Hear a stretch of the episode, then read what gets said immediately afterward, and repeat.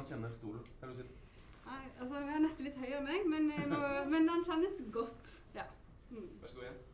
Eh, med dyrtid og eh, krig i Ukraina, så er det klart at det har vært vanskeligere for regjeringen å oppfylle sine eh, løfter og forhåpninger på eh, kulturfeltet. Hva vil være din strategi for å vri mer penger ut til kulturfeltet? Vi har jo et mål om at vi skal bruke 1% på kultur. Og så er det sånn at vi har en krevende budsjettsituasjon eh, i landet og i verden for øvrig. Men jeg mener at det er viktig å bruke penger på kultur, fordi at eh, det er noe som eh, folk har godt av når det er krevende tider. Men jeg tror ikke jeg skal gi strategien her og nå. Den tror jeg skal komme med i regjering. Og Nettavisen i plenum. Når fikk du spørsmål fra Støre om eh, jobben? Det fikk jeg på mandag.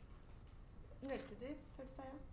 Nei, jeg nølte ikke, men eh, jeg var veldig tydelig med han at eh, dette er et ansvar jeg tar på stort alvor. Det er ikke en oppgave jeg går til eh, bare med lett sinn, for det å være statsråd det er alvorlig. Så det må du tenke gjennom på forhånd.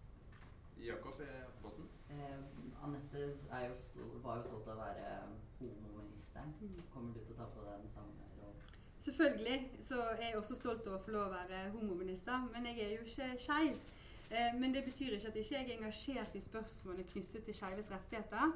Jeg har selv en minoritetsbakgrunn og mener at det er en rød tråd fra flere ulike minoriteters kamp også for de skeives kamp i dag. Og det er jeg veldig, veldig opptatt av. Kampanje. Kommer du til å la regnbueflagget til Abid henge? Ja, altså det er ingen grunn til å ta det vekk, men eh, det kommer kanskje til å være andre ting på kontoret her, så ikke bare verken Anette eller Abid var her.